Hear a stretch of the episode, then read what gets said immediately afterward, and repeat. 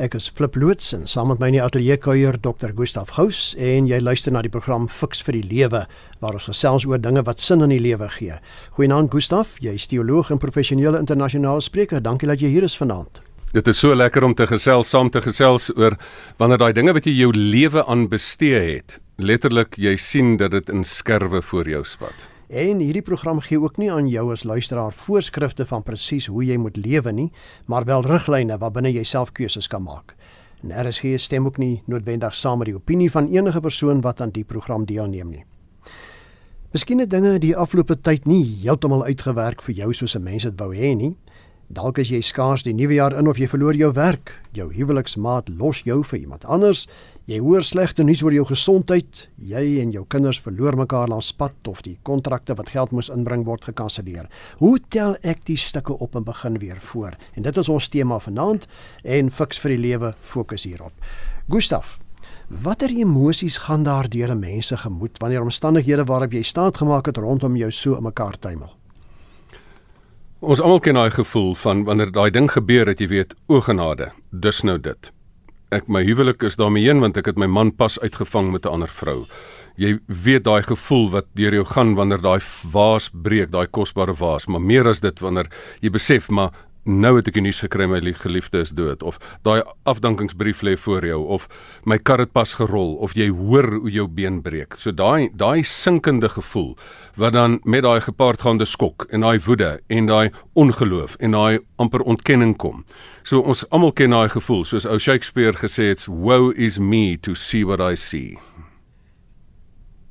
En daar's tog mense Gustaf wat in hierdie omstandighede sal sê vergeet dit wat gebeur het. Sit dit nou agter jou. Gaan aan met jou lewe. Hoe korrek is dit? Die eerste vir alles flip, dis ongelukkig waar, dis 100% korrek, maar dis nie so maklik nie, want dit is 'n proses. Natuurlik moet jy dit agter jou sit. Maar want wat is die alternatief? Moet jy jy, jy dit nou vir die res van jou lewe met jou saamsleep? Moet jy vir ewig verlam wees daardeur? Ehm um, watter ander keuse het jy as om hierdie ding te vat en te verwerk en iets daarmee te doen? So daar is nie ander keuse nie, maar dit is 'n proses. Maar tot watter mate kan die negatiewe omstandighede rondom my so erg raak, Gustaf? So erg op my inwerk dat dit my verlam, dat ek heeltyd net daarteen vaskyk. Ons moet nie die die grootsheid van hierdie dinge wat gebeur nie. Ons praat nie hier van 'n klein klein toentjie wat gestamp word nie. Ons praat hier van reuse krisisse wanneer jou hele lewe, um, jou toekomsplan opgeskeur word voor jou oë. Um, wanneer jou lewe in gevaar kom, wanneer die kosbaarste wat jy het in in bedreig word. En en daardie groot gevoel is is baie keer so soos in in dit vra ek baie keer dat mense nie dit is moeilik om hierdie goed nie raak te sien nie. Wat wat doen jy as jy soos daan onthou jy daai 1972 het daai vliegtyg met daai rugby span in die Andes geberg gebergtes geval. Daar sit jy met die stikkende vliegtyg in die ys. Daar is niemand wat opdaag en en wat kom nie. En Nando Perado wat wat daai tyd die die hele verhaal geskryf het dat dan moet jy nou erns hoe kan jy nou anders as om nie te dink aan hierdie situasie nie. Wat kan jy as jy soos soos soos uh, daardie uh, Rolston ou wat in 2003 in bergklim tussen twee klippe ingeval het en besef het maar wat wat gaan jy nou doen? Hier sit my arm vas. Ek gaan hier doodbrand in hierdie woestyn en met 'n stomp mes moes hy sy arm afsny. Dit is dis baie moeilik om nie hierdie dinge om na te kyk nie. So daar is verskriklike um, dinge wat met 'n mens gebeur in en hoe kan jy nou nie anders as om in hierdie grootsheid van hierdie krisis nie. My huwelik is daarmee in my besigheid wat ek my lewe aan bestee het is daarmee in.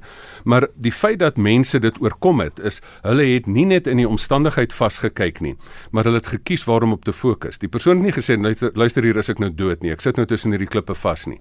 Hy het gesê maar hier is 'n geleentheid, dis 'n verskriklike geleentheid, dit is 'n moeilike alternatief, maar maar ek moet fokus op die op die um, geleentheid en nie op die verleentheid nie. En dit is die beginpunt van hoe 'n mens weer jou stukke op die stukke optel en weer voorbegin. En dit is dat daar 'n uh, 'n uh, ander ingesteldheid is. Hierdie mense waar daai boeke geskryf is wat oorleef. Dit is nie stories wat jy van praat wat nou sommer net uit 'n teoretiese boek uitkom nie. Dit is harde lewensverhale. En as jy as jy gaan kyk wat daar gebeur het, het hulle 'n ingesteldheid gehad. Daai ingesteldheid is van um, ek weet nie hoe ek hier gaan uitkom nie, maar hier gaan ek hier uitkom. Natuurlik gaan ek. So ek moet net uitvind hoe. So ons het ons vermoë om ons nek te draai, om ons oë te fokus. En en dit is daai ingesteldheid van as jy net in die die probleem vaskyk, is jy is jy van die begin af onderdeur. Maar as jy jou fokus reg gebruik, dat jy sê ek is in groot moeilikheid, maar ek het hierdie grondhouding van hier moet ek uitkom, hier gaan ek uitkom, is 'n geloofshouding. Ek gaan hier uitkom. Ek weet nog net nie hoe nie. En dan begin mense kreatiwiteit in plek weer kom. Nou kom ons raak 'n bietjie prakties Gustaf. Hoe moontlik is dit om weer op te staan? Wat doen jy as jy met heel voor begin, as jou huwelik misluk, jou kinders verkeerde dinge aanvang, jy jou werk verloor, mense jou uit jou geld uitswendel? Ek dink die natuurlik is dit moontlik. Ehm um, maar daar moet jy 'n baie spesifieke eh, klomp stappe volg. Ehm um, jy moet jy moet eintlik voorbereid wees. Want baie keer dink mense dit is nie moontlik nie, maar die mense wat sê dis nie moontlik nie, word baie keer verbaas deur die mense wat wys dat dit moontlik is. So hier praat ons nie oor teorie nie, hier praat ons oor lewensvoorbeelde wat ek in my spreekkamer gesien het van mense wat die grootste krisisse oorleef het. Wat my motiveringssprekers vriende wat wat wat lewende voorbeelde is van hoe hulle reuse krisisse oorleef het. En hoe doen jy dit nou? Dit is 'n dis 'n basiese proses. Jy begin met 'n houding van ek kan, ek weet net nie hoe nie. Um, dan sit jy met 'n spesifieke um, onmiddellike aksie wat jy moet loods. Jy moet onmiddellik dan krisisbestuur doen vir onmiddellike oorlewing. Dit is waar jy dan onmiddellik die bloed moet stop onmiddellik moet jy maar die begrafnisondernemer bel. Onmiddellik moet jy maar die besigheid toemaak en en besef maar jy kan nie nou verder gaan nie. Onmiddellik moet jy maar vir jou as 'n jy 'n egskeidingsbrief teen jou kry maar vir jou prokureur kry. Um onmiddellik moet jy maar die beld intrek as daai geld op op opgedroog het en dis meer.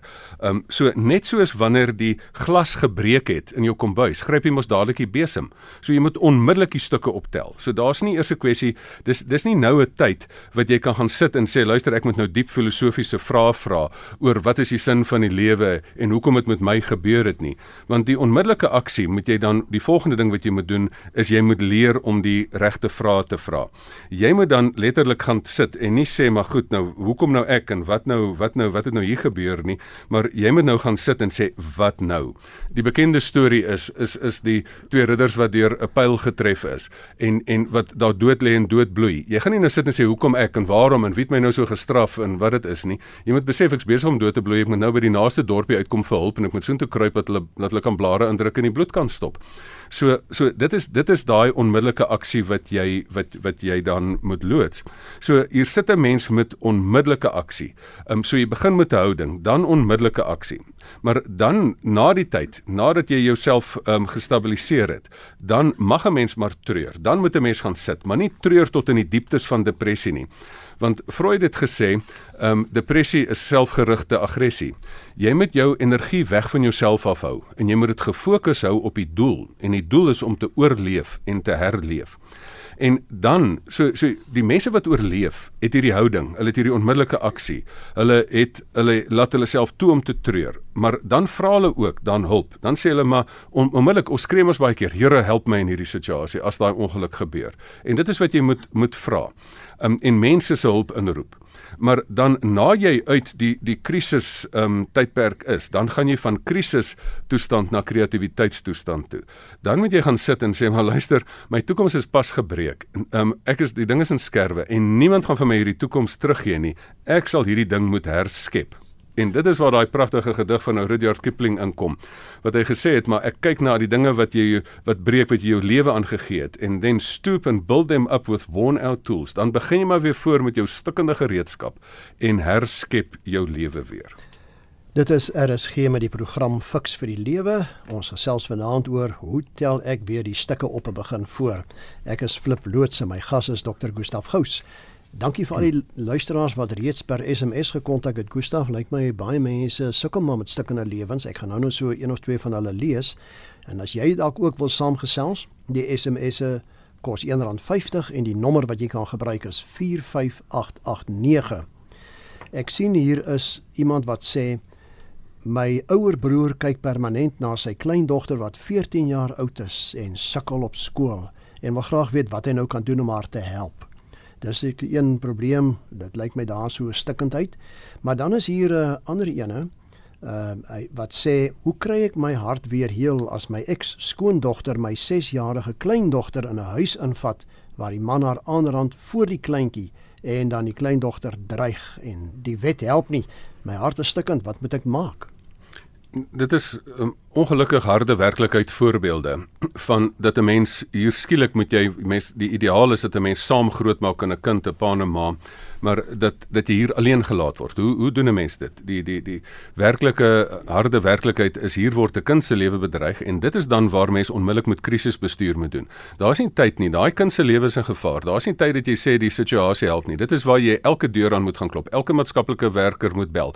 Elke polisieman moet jy aktiveer en sê luister, hier word daadwerklik iets gebeur. Daar is landswette wat jy dan aktiveer om om hierdie proses dan te beredder.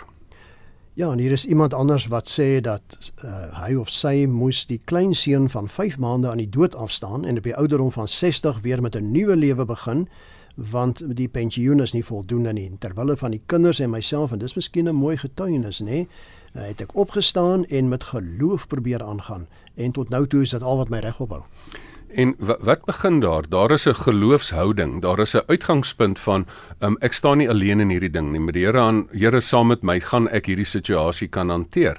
En dit is dit wys jou al die verhale van sukses van mense wat uitkom, het hierdie basiese gemeene deler dat dit begin met 'n houding van ek weet nie hoe nie, maar die Here gaan my help of ek weet nie hoe nie, maar gaan gaan ek hier uitkom en dan moet daar onmiddellike aksie geneem word. Jy sit nie net daar bakkant en in wag vir hulp nie, maar dan moet jy daai hele proses in tou sit van dat jy dat jy die situasie stadig aan jou gebreekte lewe weer herskep tot 'n nuwe moontlikheid.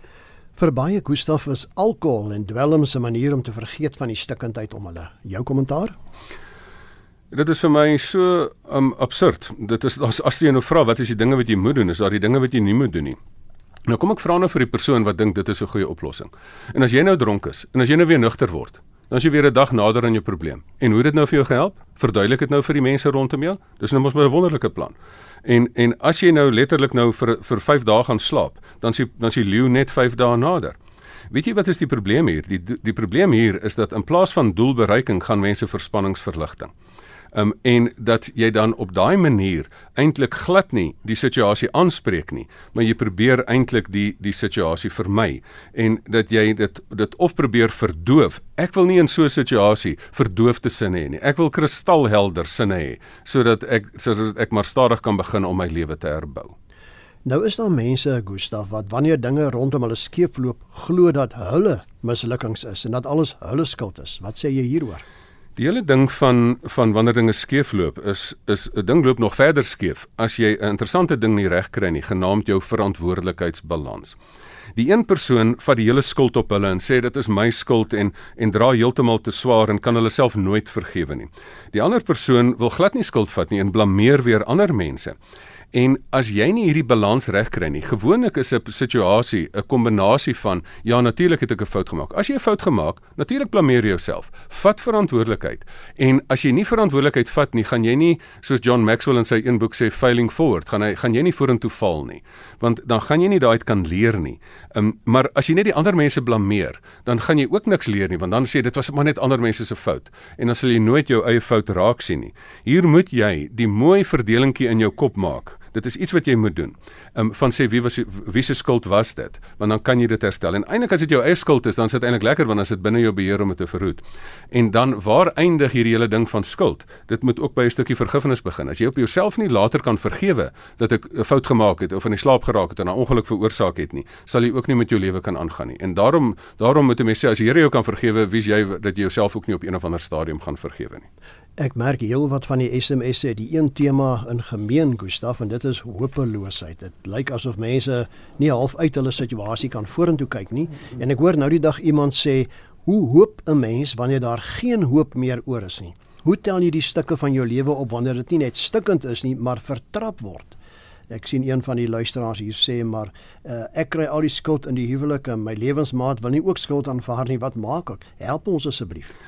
Ons almal weet flip dat sonder hoop is die lewe hopeloos en maar hoop is nie 'n ding wat wat is nie 'n ding wat jy sien nie. Hoop is juist 'n ding wat jy nie sien nie. Um, my definisie van hoop is hoop is om aan vas te hou wat jy nie kan voel nie om aan te gaan al weet jy nie wat die lewe bedoel nie. En in in so 'n situasie is daar natuurlik ander mense wat die skuld op jou kan gaan probeer afskuif. En dan moet jy net soos iemand wat iets uithou na jou toe, kan jy kies om dit te vat of om dit nie te vat nie. Maar die feit van hoop is deel van daai eerste stap van hantering dat jy sê maar ek het 'n grondhouding en hoop eh, begin jy nie hoop as jy die uitkom sien nie jy begin juis hoop dit is dit is 'n baie vreemde ding dit is 'n grondhouding wat daar is dat jy sê maar ek het ek gaan hier uitkom. Ek het 'n stuk hoop. Ek weet daar is 'n Here wat my gaan help. Hoe dit gaan gebeur, weet ek nog nie. Hoop is juis die ding wat in werking kom wanneer daar alle bewyse is vir die teendeel. Baie interessant. Ek sien hier 'n SMS wat sê stukkend in hoofletters. Baie het my verloon, belieg, uh bedrieg, verwerp, verneder. Dis nou payback time vir hulle. Ek gaan julle almal seën met liefde en vergifnis. ja, dit is mos die mees aggressiewe ding wat jy teen 'n persoon kan doen is om hom te vergewe want ja, hulle verwag die teendeel. Inderdaad. nou dit gebeur soms dat die stikkindheid rondom my deur ander persone veroorsaak word. Baie van hierdie SMS'e noem dit ook vir ons. Hmm. Wat moet my optrede teenoor hierdie mense wees? Ek dink natuurlik is daar daar's daar's 'n paar prosesse. Ehm um, as ander mense hierdie groot krisis oor jou gebring het, dan het jy 'n paar basiese prosesse. Jy het regstappe wat jy kan neem om die geld wat gesteel is terug te kry. Jy kan ehm um, kompensasie op een of ander wyse vra. Ehm um, maar jou houding teenoor teenoor daardie persoon is daar's baie keer gedane sake is gedane sake. En en jy moet nie vra maar luister wie het dit aan my gedoen nie. Jy moet eintlik vra wat nou? Die die die verkeerde vraag is, hoe gaan ek hierdie persoon terugkry? Hoe gaan ek 'n 'n huurmoordenaar kry om hierdie persoon uit te haal? Dis die verkeerde tipe vraag want jy wat jy vir jouself net gaan moeilikheid maak. Die regte tipe vraag wat jy vra is, ehm um, wat kan ek in daai persoon se lewe inspreek dat daai persoon ook genoegsaam daai het leer om om ek self vorentoe te gaan in die lewe? En wat gaan ek doen om hierdie harde werklikheid nou te bestuur, ehm um, sodat ek nie daai persoon my laat terughou in my lewe met haat wat myself my eie lewe verhoes verwoes nie, maar dat ek dan kan aangaan en my eie lewe herbou. Dit is RSG met die program Fix vir die Lewe. Ek is Flip loods en ons gesels vanaand oor hoe tel ek weer die stukke op en begin voor. My gas wat lekker saamgesels is Dr. Gustaf Gous. En dankie vir al die luisteraars. Ja, hierdie SMS'e kom baie vinnig in en jy kan nog steeds saamgesels. Jou uh, nommer wat jy kan gebruik, die SMS nommer is 45889. Onthou net die SMS'e kos R1.50. Gustav, hoe moontlik is dit om vooraf te sien dat dinge gaan skeefloop en dit dan eerder te vermy dat ek nie in 'n situasie kom waar alles om my mekaar tuimel nie? Natuurlik is dit beter om uit hierdie moeilikheid uit te bly want um, die ou gesegde is um, wat is beter as teenwoordigheid van gees in 'n reuse krisis situasie dit is afwesigheid van liggaam. So natuurlik moet mens met goeie lewensbeplanning jou probeer as om so ver as moontlik uit hierdie moeilikheid uit te hou. Jy moenie met die verkeerde mense besigheid doen nie. Jy moet jouself nie in in in die pad sit van van busse wat oor jou kan ry nie. Um, maar ons weet dat daai busse baie keer oor jou ry um, sonder dat jy enige enige ontwykende gedrag kan toon. En daarom is daar die hele veld van risikobestuur. Daai risikobestuur is dat jy vir jouself prosesse in plek sit. Kom ons dink dit soos motorbestuur. As jy mos op 'n motorrit gaan, die motor 'n motorrit is net soos die lewensreis. Ehm um, hoekom het ons 'n spaarwiel? hoekom het ons 'n domkrag? want jy weet hier kan 'n krisis kom en daarom berei jy voor voor die tyd. Hoekom neem jy versekerings uit? Ehm um, hoekom het jy 'n 'n noodhulp organisasie wat jou wat wat jou wat jy 'n lidmaat lid van is wat jy dan help. Hoekom het jy hierdie helikopterdiens as betaal jy hulle dit dat as jy nou 'n groot moeilikheid is kan hulle jou na hospitaal toe vat. So ehm um, jy moet vooraf moet jy dinge in plek kry. Dis nie dat jy die probleem roep na jou toe nie. Dit is dat jy goeie beginsels gebruik. Ehm um, ek gesels hierdie week met 'n risikobestuurder van 'n bekende bank En uh, die persoon um, Rudy sê vir my Die beginpunt wat jy vir jouself moet doen is jy moet jouself sterk maak want hy is die persoon wat risiko's moet bestuur. Daar kan groot goederes in die finansiële wêreld verkeerd loop en dan moet hy die risiko's nie net verhoed nie, maar hy moet as die risiko oor jou kom, moet hy dit bestuur. En Rudy sê vir my, ehm um, jy moet jou houding reg kry. Dit is die ding wat jy voor die tyd aan hard moet werk. Die man het juis die prys gewen as die as die beste personeel in die hele bank, 'n reuse prys omdat sy houding is assume it can be done. Op grond daarvan het hy die prys gewen. So hy is die persoon wat die grondhouding het van as die dinge um, verkeerd loop, um, aanvaar, kry jy die grondhouding dat hierdie ding kan herstel word. En die oomblik as jy dan daai grondhouding reg kry, dan is jy gereed. En ons moet baie keer moet ons gaan sit in in die krisis moet jy gereed wees. Ek dink aan 'n storie van jare terug. Een van my grootste motorongelukke wat ek gemaak het was my ouers daai tyd ouer ouers was nou in die kar saam met my. En toe ons tot so stilstand kom, ek het hierdie flegmatiese ma Ehm um, toe sê dit so 'n bietjie so gekreun hier en daar toe ons nou amper rol in in in die die kars, die plekke stamp en alles. En toe ons tot stilstand kom toe sê sy, ehm um, vir my pa, Andries, waar is die AA kaart? Met ander woorde, sy het voorberei gewees. Sy sê luister hierdie krisisse kom en dit is hoekom ons nou lidmaatskap van hierdie organisasie het en hierdie mense gaan ons kom insleep. So voorbereiding is dat jy maar jou jou jou spaarwiele moet inpak en jou vooraf voorbereiding moet doen. So dit is dit is 'n klassieke deel van risikobestuur um, om te keer dat die krisis nie kom nie en as hulle kom, is jy minstens gereed. Jy het minstens iemand as jy dan vir hulp wil vra, het jy daar minstens 'n nommer om te bel. Ja, ek merk baie van ons luisteraars het inderdaad heel wat krisisse. Daar's iemand wat 'n seun so 5 maande gelede verloor het deur 'n motorongeluk. Uh, iemand anders wat haar man verloor het, uh, aan 'n ander persoon afgestaan het en dan mm. selfs 'n vrou wat uh, verlam geraak het en deurentyd vertel hulle hoe dat hulle moet worstel daarmee, maar dit wil ek nou vir jou vra, Gustaf met al hierdie teleurstellings, hierdie probleme, die spanninge, die krisisse, die konflik, die emosionele pyn, verslawing, humeurige mense, desperaatheid, noem nou maar al die dinge rondom my op, is daar vir my hoop. Flip, daar is meer as hoop. Daar is nie net hoop nie. Daar is 'n vreemde menslike vermoë dat jy uit hierdie krisis, uit hierdie verleentheid 'n geleentheid kan skep. Hoeveel miljonêers is nie daar nie wat totaal bankrot gespeel het, wat dan daaruit geleer het en dan gesê het hierdie mislukking is is om 'n geleentheid om net weer nuut en beter weer voor te begin. Hierdie ding is wanneer die wanneer die wêreld om jou intuimel dit is deel van die werklikheid. Ons leef in 'n in 'n tyd waar jy waar jy goeie goed en slegte goed gelyktydig het. Ons leef in 'n tyd en as jy dit teologies wil stel tussen die koms en die wederkoms, waar die waar die wonderlike heil daar is, maar wanneer die verskriklike stikkindheid nog steeds daar is. En in hierdie tyd het ons die vermoë om nie net die ding te oorleef nie, maar self sin daaruit te skep. Dit is 'n vreemde geleentheid dat dat mense soos wat hulle hele lewe verloor het, soos Viktor Frankl, dat hy sin geskep het, dat hy gesê het, "Maar luister, my hele lewe my familie is vermoor, alles het alles het om my mekaar geval. Maar ek kan sin skep uit hierdie situasie. Ek vind nie sin in die situasie nie. Dit is nonsens om te sê dat daar 'n sin in al hierdie lelike goed wat gebeur. Maar jy kan hierdie goeters vat en sin skep daaruit. Kom ons raak nou weer nog 'n bietjie meer prakties, Gustaf. Watter riglyne is daar vir iemand wat graag met sy of haar lewe heel voor wil begin in hierdie jaar? Nou flip, kom ek gee die gewone, die grootste gemeene deler van gedrag en houdings wat mense het wat hierdeur kom. En hierdie is nie boeke kennis nie. Hierdie is praktykskennis wat ek gesien het hoe mense dit oorleef, wat my motiveringssprekers vriende wat op die op die op die veld is wat hulle van hulle lewensverhale vertel. En as jy daai gemeene deler kry, wil ek vir jou die lysie gee. Dit hoef nie in hierdie volgorde te wees nie, maar die mense wat dit oorleef, um, die mense wat dit oorleef, hulle het hierdie volgende volgende dinge in plek. Die eerste ding is, hulle begin nie met 'n krisisbestuur um, in die krisis nie. Hulle kry hulle ingesteldheid voor die tyd reg. En die vorige tyd, die die ingesteldheid is 'n kan doen houding. En daai kan doen houding is dit jy sê maar geen om wat met my gebeur nie, ek sal op een of ander manier hierop um, reageer. Vir 'n gelowige is dit 'n geloofshouding dat jy weet met my God spring ek oor 'n muur en al strap ek op 'n slang dan sal ek ook dit kan dit kan hanteer dan as daai krisis toeslaan, dan is daar onmiddellike krisisbestuur. Daar's nie tyd vir verkeerde vrae nie, om vir filosofiese vrae of vir so o, in 'n put in gaan sit nie. Jy moet onmiddellik die glasstukke optel, die bloed gaan stop. Dit is die wêreld beloon aksie. Jy moet onmiddellik 'n um, 'n 'n gedrag toon wat dit kan doen. Dan moet jy as jy die situasie gestabiliseer het en dan of voor dit moet jy hulp vra. Almal het wat hulp wat hulle vra en dit is menslike hulp en dit is hierdie organisasies wat jy kan bel om jou te help en dit is ander mense wat jy kan help. Um, en dan uiteraard vir 'n gelowige is dit geloofshulp. Dat jy sê Here, help my in hierdie situasie. En hoeveel mense kan jy getuig dat met die Here se hulp hulle hier deur gekom het nie? Ehm um, ek het dit nou pas op nuus, die nuus weer gesien. Ek sê dit persoon eh, op die nuus gesê, maar as dit nie die Here se hulp is nie, dan sou ek nie uit China uit of uit daai land uit of wat ook al gekom het nie.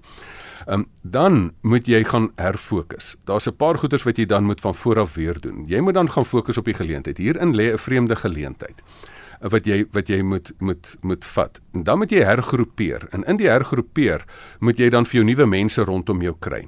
En dan moet jy vir jou jy kan nie aangaan as jy nie vir jou nuwe prentjie kry. Onthou wat het nou gebeur? Jou hele lewensprentjie is opgeskeur. Um, of dit nou besigheidsprentjie of 'n verhoudingsprentjie of 'n familieprentjie is, die ding is opgeskeur, hy's stikkend. Jy kan nie aangaan sonder dat jy vir jou stelselmatige nuwe prentjie kry nie. Maar as jy dan aangaan sonder om die lesse te leer, dan moet jy leer uit jou foute uit en vorentoe val. Maar dan sou daar 'n vreemdeling. Baie mense doen al hierdie dinge, maar hulle kom nooit terug op die veld nie. Wel, ek nou die dag geval het van 'n perd wat my hamstrings geskeur het dat ek blou was soos wat jy nie eers die foto wil sien nie. Dan dan as jy nie terug op die perd klim nie, dan moet jy terug op die perd klim en dan moet jy dit hervat. Dan moet jy terugkom op die veld van liefde. Dan moet jy terugkom op die veld van van van verhoudinge. En dan moet jy dit herskep en herbou. Die toekoms gaan is 'n is 'n is 'n artikel wat min mense het. As jy dit nie self skep nie, dan kry jy dit nie. Um, en dan la as jy terugkyk na alles, dan kan jy as jy hierdie ding bemeester het, dan kan jy eintlik sê, maar ek het sin geskep hieruit. Hierdie ding op 'n vreemde manier was hierdie verskriklike lelike ding. Het vir my dan ongelooflike nuwe moontlikhede geskep dat ek eintlik sin kon maak uit iets wat gelyk het of dit onmoontlik is om sin te maak. Ja, dit klink dan vir my Gustaf asof dit wel maklik is dat 'n mens weer die stukke van jou lewe optel. Miskien ook bietjie moeilik, maar jy kan dit doen. Jy kan weer voorbegin. Kom ons sluit dan af vir vanaand. Net net jou kontakinligting te gee. Baie dankie eers aan al die luisteraars wat saamgekuier het. Dankie vir al die baie SMS'e wat ingekom het. Ons sorg dat alles by Dr. Gustaf uitkom. Gustaf, jou kontakinligting? My kontakinligting is e-posadres gustaf@gustafgous.co.za. Daar kan ons saamgesels. Ehm um, dat dit nie maklik is nie, dis moeilik, maar dis moontlik om dit wel te doen. En my kontakinligting flip by mediafocus.co.za.